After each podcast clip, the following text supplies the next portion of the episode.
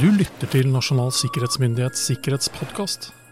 En podkast om sikkerhet, mennesker, teknologi og samfunn. Hei og hjertelig velkommen til Nasjonal sikkerhetsmyndighets eh, eminente sikkerhetspodkast. Mitt navn er eh, Roar Thon, og jeg sitter her i mitt, eh, min ende av det digitale studio. Tidligere denne uka, når vi spiller inn dette her, mandag 13. februar, så ble Nasjonal sikkerhetsmyndighets årlige risikorapport publisert. Den slippes da sammen med Politiets sikkerhetstjeneste og Etterretningstjenestens respektive trusselvurderinger. Og Fjorårets risikorapport den ble altså ikke mange dager gammel før Russland invaderte Ukraina og snudde opp ned på de aller fleste risikovurderinger. Og hva bringer da årets rapport? Og med meg for å snakke om dette her, så har jeg invitert to gode NSM-kollegaer, Jonas og Torgeir. Og de er altså sentrale i analysene som ligger bak liksom, rapporten og produksjonen av rapporten. Så velkommen til dere begge to, Jonas og Torgeir. Tusen takk. Takk for at vi kom. Bare hyggelig. Hun bare mangler, rett og slett. det er jo dere som sitter med liksom, informasjonen og, og, og, kunnskapen her nå. Uh, vi kan jo lese rapporten, men dere, det ligger jo litt mer bak, da, som regel. Men hvis vi skal starte med liksom, hva er hovedkonklusjonene i årets rapport? Hva er det vi virkelig sier? Uh, ja, uh, Da vil jeg gjerne trekke frem uh, tre ting, så tre hovedpoenger i rapporten. Ja. Det ene går på dette med manglende oversikt over lange og kompliserte leverandørkjeder, som utgjør en risiko for, for, nasjonal sikkerhet. Så det vi mener med det er liksom at Selv om en virksomhet som leverer samfunnskritiske tjenester, har god fysisk og digital sikkerhet, så er mest sannsynlig denne virksomheten avhengig av leverandører og underleverandører som kanskje er dårligere sikret. Og Dette kan da utnyttes av trusselaktører eh, som da ønsker å hoppe over gjerdet der det er lavest, eh, for å få tilgang til sitt egentlige mål.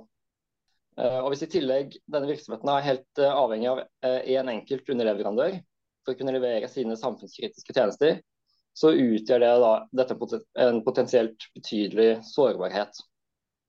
Eh, det er derfor viktig å kartlegge sine avhengigheter for å gjøre gode risikoreduserende tiltak. Eh, F.eks. å sikre redundans i leverandørskjedene sine. Det er også noe vi trekker frem i, i årets rapport.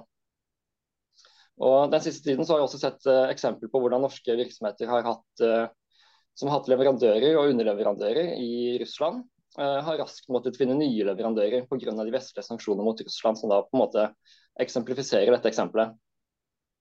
Ja, det belyser jo også da utfordringen ved å ha store avhengigheter til eh, enkeltland eller til land som Norge ikke har et sikkerhetspolitisk eh, samarbeid med. Så Det er den ene tingen.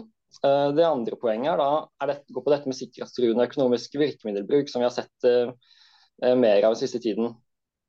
For Det er ikke da bare gjennom ulovlige virkemidler som spionasje, sabotasje og cyberangrep at fremmede stater forsøker å påvirke oss eller få, gjennom, få, få tilgang til sensitiv informasjon og teknologi.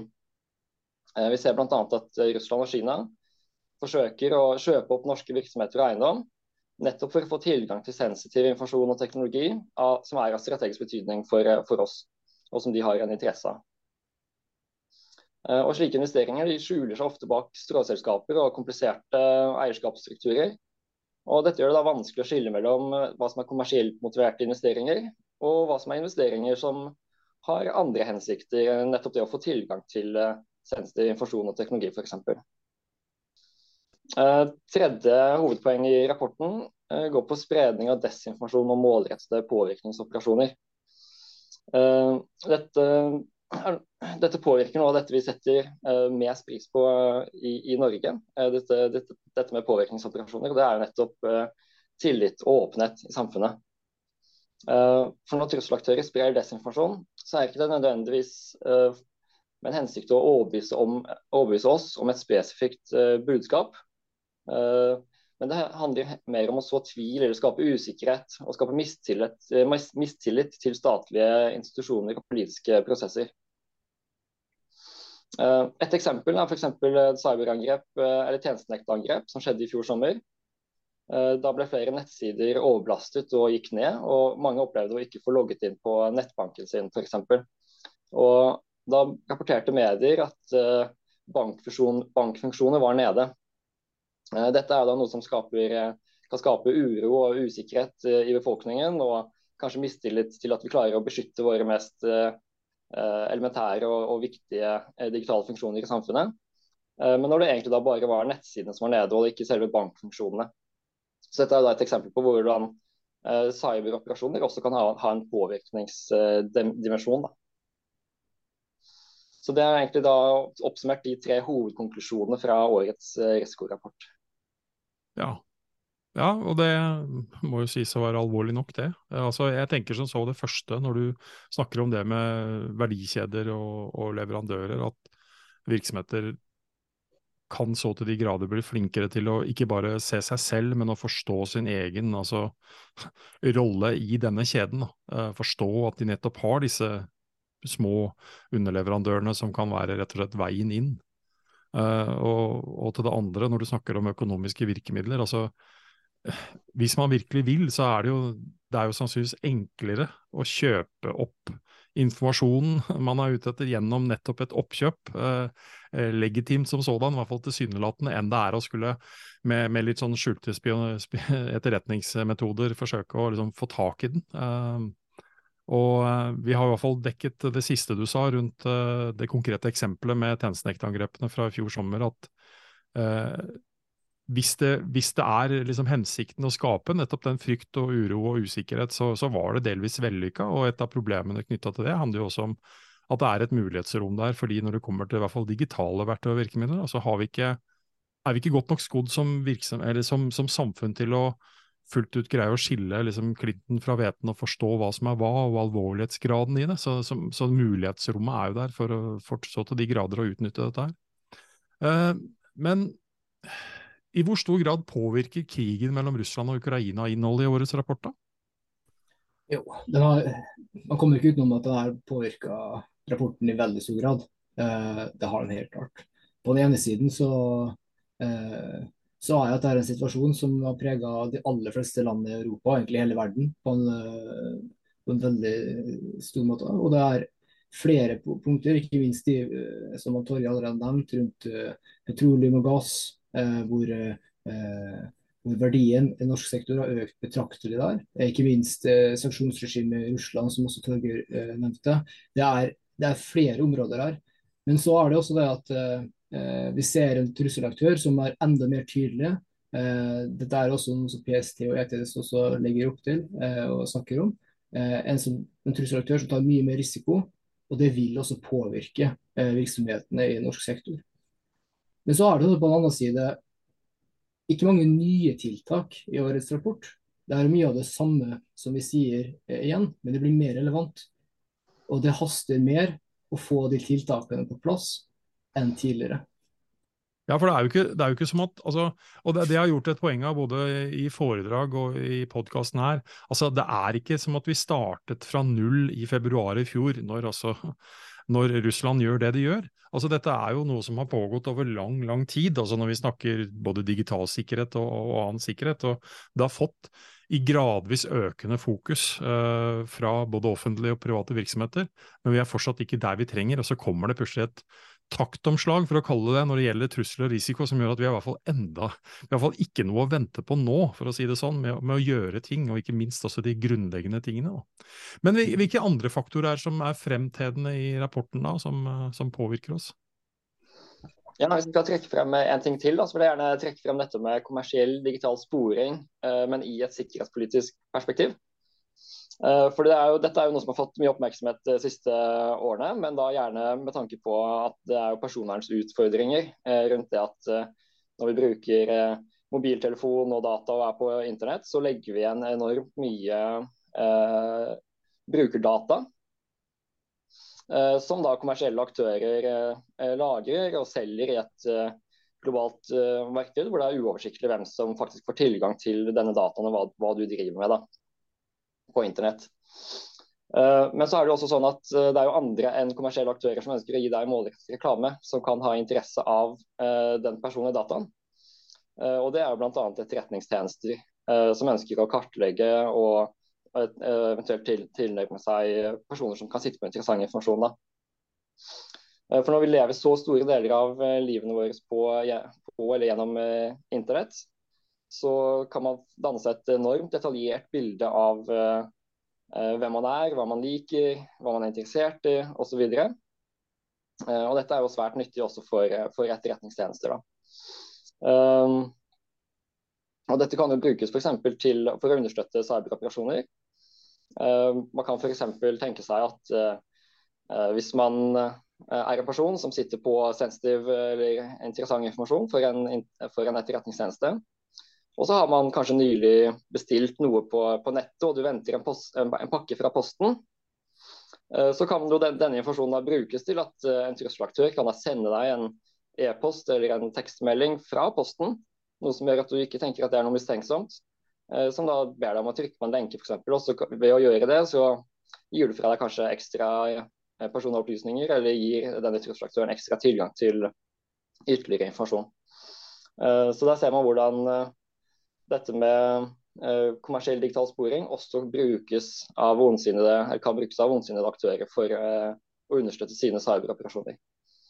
Så det er én måte så slik kommersiell digital sporing kan brukes av trusselaktører.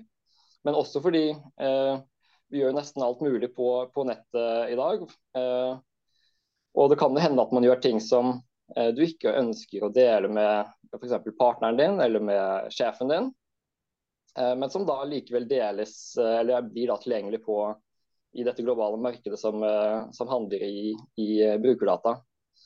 Og Da kan jo dette potensielt brukes som pressmiddel også, for å presse deg hvis du, hvis du, har gjort noe du ikke ønsker å dele. og Da kan man potensielt ende opp med å bli en, bli en innsider. Og Det finnes jo eksempler på dette hvor gravejournalister i USA har funnet ut at amerikanske politikere som er i etablerte forhold, har familie osv., at de har da vært på f.eks. datingnettsider for for personer som ønsker å være f.eks. Det er jo da eksempler på hvordan eh, slik kommersielt tilgjengelige data kan, kan misbrukes av, eh, av andre.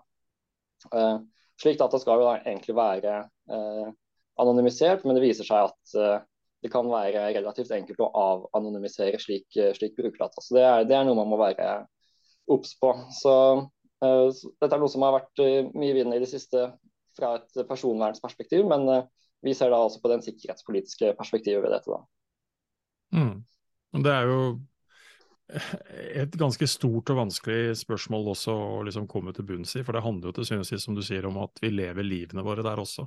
Så man kan liksom ikke det er, det er, ikke bare å stoppe med det, for å si det sånn. Eh, for det er, noe, det er noe grunnleggende å forstå teknologien og informasjonen vi legger igjen daglig. da. Uh, hvor mye av det har vi allerede akseptert. Håper å si grader av bevissthetsnivået vårt når vi gjør det, kan sikkert diskuteres, avhengig av hvilke øyne man ser. Eh, men jeg har en liten sånn anekdote rundt det jeg tenkte jeg skulle eh, nevne for dere sånn når, når, du trekker fram det. fordi eh, en av de andre tingene som er til vinden rundt dette, har jo f.eks. vært debatten rundt appen TikTok. og Vi skal ikke gjøre dette til debatten rundt det, men eh, ved flere anledninger så har jeg vært og besøkt ledergrupper, konsernledelser osv., og, så og, og dette opptar dem også. Hvordan skal de beskytte sine sine verdier, eh, hva skal de ansatte gjøre osv. Eh, men jeg har veldig ofte et kontrollspørsmål som jeg da stiller når de kommer med spørsmålet. Eh, når dere sitter her på konsernledermøtet deres, som ikke er hver dag, har dere mobiltelefonen inn i det møtet? Og svaret på det er jo ja. Mm. Det har de. Uh, og, da, og da, er vi liksom, da, Sett med mine øyne, så starter man litt i feil ende. For man bekymrer seg over noe som det helt klart skal være mulig å bekymre seg for, men man har allikevel ikke foretatt noen andre skritt som faktisk eliminerer noe mer enn bare den ene uh, utfordringen dette er. Men uh, vi sier jo at ting har endret seg i stor grad, og, men, men, at samtidig så er det, det er noen grunnleggende ting som liksom bare som vi allikevel må forholde oss til vi anbefaler at man tar høyde for stadig endringer i risikobildet, altså raskere endringer i risikobildet. og Hvordan, hvordan kan norske virksomheter best gjøre det og forholde seg til det? da? Ja, eh, det høres jo ikke lett ut. Det, altså, og hvert år så er det jo nye oppdateringer. og Vi, ofte, sier ofte at ting har uh, tilspisser seg og ting utvikler seg, trusselaktører blir tydeligere. og Det er jo ikke tvil med situasjonen som er i år. Men det er først og fremst vil jeg si, det er, det er, jo billigere å investere i tiltak og gjøre tiltak før en hendelse skjer. Og så kan jeg gå litt inn på, uh, på hva akkurat det her betyr. Da. Sånn som vi ser det, så handler det først og fremst om å oppdatere seg. Det handler om å oppdatere sin egen situasjonsforståelse så man får mest mulig og et mest korrekt eh, risikobilde for sin virksomhet og de rundt seg. Og så handler det også om å oppdatere tiltakene i henhold til den situasjonsforståelsen og risikobildet. Så hvordan er det med å oppdatere seg? Eh, først så burde man lese trussel- og risikovurderingene som nå har eh, kommet ut. De gir jo svært godt grunnlag for eh, Eh, for de aller fleste, eh, selv om det mye er på generelt eh, og kanskje ikke treffer absolutt alle på alle områder, så er det et godt grunnlag. Og så er det jo selvfølgelig det å følge med i mediebildet, følge med innenfor de sektorområdene som treffer sin virksomhet, og de verdiene som er i endring i sine eh, sektorområder. Det er viktig. Så det å holde seg oppdatert, vite hva som er bakgrunnen for eh, Eh, for, eh, for risikobildet, det er viktig. Også På bakgrunn av det her så bør man gjøre seg og oppdatere sine risikovurderinger. Og Da må man stille seg spørsmålet hva slags verdier er det jeg har som jeg må beskytte? Hva slags verdier eh, er det jeg understøtter, f.eks. mine tjenester eller som jeg leverer til? Og er det noe som har endret seg siden sist? Og det er, det er et vesentlig punkt. At Hvis man ikke har gjort seg de tankene det siste året, så anbefaler jeg iallfall veldig sterkt å gjøre det nå. Ja, Vi har vel sagt her på podkasten tidligere at uh, de aller fleste risikovurderinger uh, som eksisterte i januar 2022, de ble utdatert i februar 2023. Mm. Uh, så det handler noe om det. men, men mm. dette bør jo helst skje ikke på innfallsmetoden, men litt mer sånn systematisk til meg på at man faktisk har dette klart i virksomheten. Da, på at man, ja, man fanger opp det som skjer rundt den. Da. Ja, helt klart. Det bør være en, en, en, del, og det anbefales uh, sterkt her, om at det her eh, bearbeides inn som rutiner i bedriften eh, og virksomheten og jobber. Så her må man se sant, verdiene. Hva slags trusler er det som kan true de verdiene? Hva slags sårbarheter er det som kan utnyttes? Eh, Eh, ikke minst eh, hvor avhengig eh, er jeg av ulike leverandører, og hvor ofte har jeg oppdatert og patcha sikkerhetsprogramvarene mine. Slike ting må man ha rutiner for. Og så hva må man gjøre for å tette de sårbarhetene. Så Du snakka om de, den mobiltelefonen. da, ikke sant? Først identifiserer man det, men så kommer det vesentlige. Man må gjøre i tiltak. Mm. Og de tiltakene må oppdateres. De må følges. Og vi eh, har jo NSMs grunnprinsipper for IKT-sikkerhet, fysisk sikkerhet, personellsikkerhet og sikkerhetsstyring, som er gode grunnprinsipper eh, å, å, følge. Og så er det jo veldig ulikt for virksomhet, virksomhet hva slags konkrete tiltak man må iverksette. Men én ting er helt sikkert, og det er at tiltakene de må testes, og virksomheten må øves for å se om de tiltakene de har iverksatt, fungerer etter den hensikten de har satt opp til å gjøre. Hva kan dere si om liksom, prosessen som ligger bak for å liksom, analysere seg fram til å ende opp med å skrive en risikorapport som det her? Da? Ja, Det har jo så klart uh, vært uh, veldig spennende å være med på hele denne, denne prosessen og skrive Risiko 2023. Uh, for Vi jobber jo til vanlig med kun saker som er sikkerhetsgradert, egentlig. Mm det å få gi offentligheten litt eh, innsikt i hva som er de viktigste risikoene for nasjonal sikkerhet, og litt hva NSM driver med, det er jo selvfølgelig eh, viktig og har vært veldig spennende å få, få, delta i det. Og Det er viktig å spre den kunnskap og, og bevissthet da, eh, offentlig litt, litt, bredere enn det vi gjør eh, ellers. En del saker eh, må selvfølgelig skjermes av litt sånn opplagte grunner. Eh, men vi ønsker jo å være så åpne som mulig. da. Og jeg synes vi har fått til en veldig god balansegang der i, i rapporten. At vi har klart å dele så, så mye som mulig. Og mye av eller Deler av bakgrunnsinformasjonen for denne rapporten er jo en gradert eh, versjon som kommer ut eh, hver høst. Eh, og så har vi gjort så godt vi kan for å justere litt på innholdet der. Eh, for å kunne nedgradere det uten at for mye detaljer eh, forsvinner. da. Og så er det selvfølgelig en del ting som er lagt til uh, underveis. Det, er, uh, det, har vært oppdukkende ting siden da. Mm. Uh, det er kanskje andre ting som er viktigere å presentere i en slik offentlig rapport som går litt bredere ut, enn de rapportene som er gradert og er kanskje til et litt smalere publikum. men jeg vil også legge til at Risiko 2023 det er jo selvfølgelig hele NSM sin rapport, og det er ikke bare én eller to personer som har skrevet den. Eh, hele, altså, he, eh, hele NSM og eh, alle fagavdelingene har vært med og bidratt inn i, i den rapporten og fått veldig mange gode innspill underveis. Så Sånn sett så er jo dette en, en rapport som, som, representerer hele NSM og gir innsikt i liksom hele NSMs bredde av det vi driver med og de risikoene vi peker på mot, mot nasjonal sikkerhet. Så, sånn sett håper vi at denne rapporten bidrar til å gjøre Norge litt bedre i stand til å beskytte seg mot spionasje, sabotasje, terror og sammensatte trusler, gjennom å skape bevissthet i befolkningen. da. Ja, for det er jo som du sier, Torgeir, at det, altså, det, det, du jo sier, da, eh, det er jo at det er ikke tatt ut fra luften, dette her. Og, og, det er jo basert på våre og andres konkrete erfaringer og det vi gjør i det daglige. Uh, og så er det jo igjen sånn at det er ikke alt som du sier som vi kan dele like offentlig heller, men man bruker også erfaringene derfra også til å beskrive dette her ned til til et punkt hvor, hvor, alle kan lese og forstå det. Um, men hvordan kan norske beslutningstagere og virksomheter bruke rapporten da, til å liksom, forbedre sikkerheten i både samfunnet og i virksomhetene sine?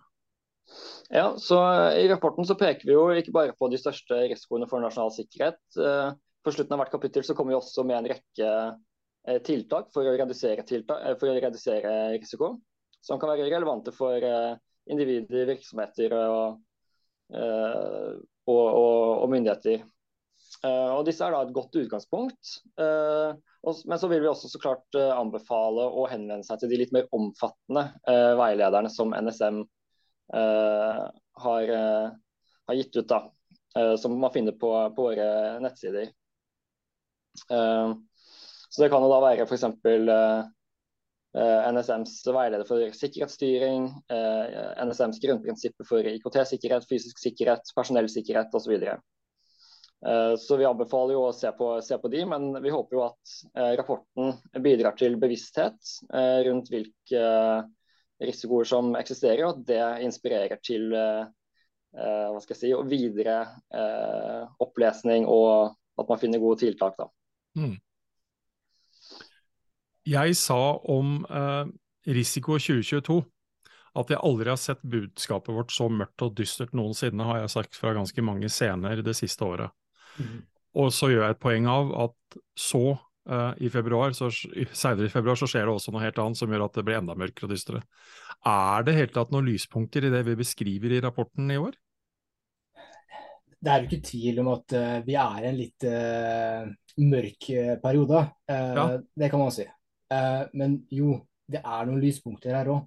Iallfall for oss som eh, jobber med sikkerhet, så har vi jo sett at det budskapet vi tok med i fjor, med eh, økt årvåkenhet, det har jo truffet blant store deler.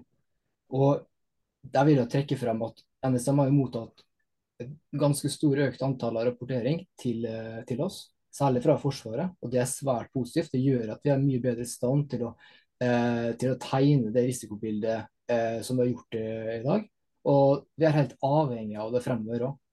Og så eh, har det jo siste året vært mye deltakelse, ikke minst på det eh, e-læringskurset i NSMs grunnprinsipper i høst. Det, er, det, er, en positiv eh, trend som vi, vi, tar, vi, tar, med oss og vi ser.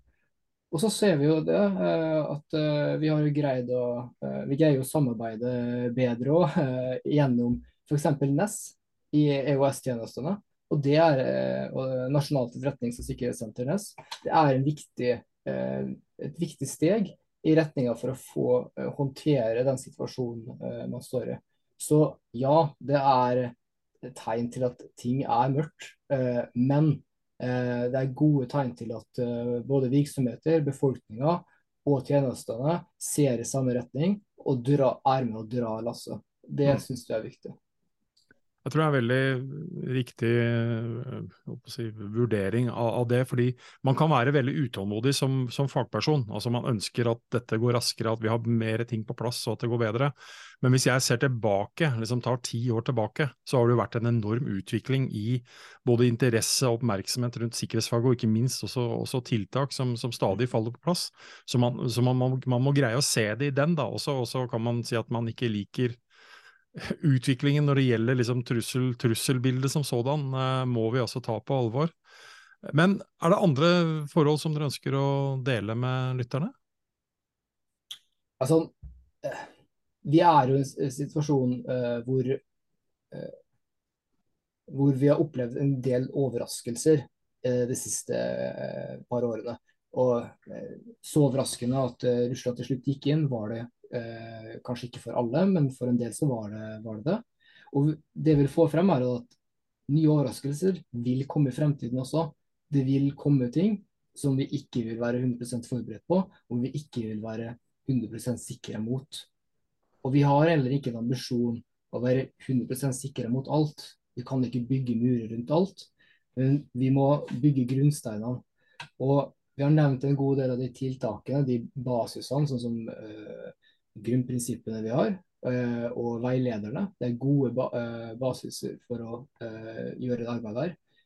Men jeg vil trekke fram at når, man, når, det er så mye usikkerhet som det er nå, så kreves det at beredskapen økes, og det kreves at virksomheter som ikke har gjort det eh, i dag, må ta større eieransvar for å bygge sikkerheten i sin eh, virksomhet og de rundt seg. Det er nå man har mulighet til å ta det steget. og Venter man for lenge til en hendelse inntreffer, så vil det kanskje være for sent. Men det vil i alle fall koste betydelig mer enn å iverksette de forebyggende risikoreduserende tiltakene nå i dag. Mm. Ja, og et sted å begynne er jo da å faktisk lese den rapporten som vi nå sitter og snakker om, sammen med de tidligere nevnte trusselvurderingene til PST og Etterretningstjenesten. Altså, Dette gir et godt innblikk i dagens situasjon, som vi alle rett og slett må forholde oss til på en eller annen måte, uansett om vi vil eller ikke. Uh, man skulle sikkert gjerne ønske noe annet, men uh, rapporten den kan uh, leses på våre websider. Og så takker jeg Jonas og Torgeir for arbeidet med rapporten, sammen med realiteten en rekke andre kollegaer i rekke andre fagmiljøer også. Og så ønsker jeg dere en riktig trygg og sikker dag videre, og takk for at dere stilte opp, Jonas og Torgeir. Og så høres vi i neste uke med en ny episode av Sikkerhetspodkasten. Ny torsdag, ny episode.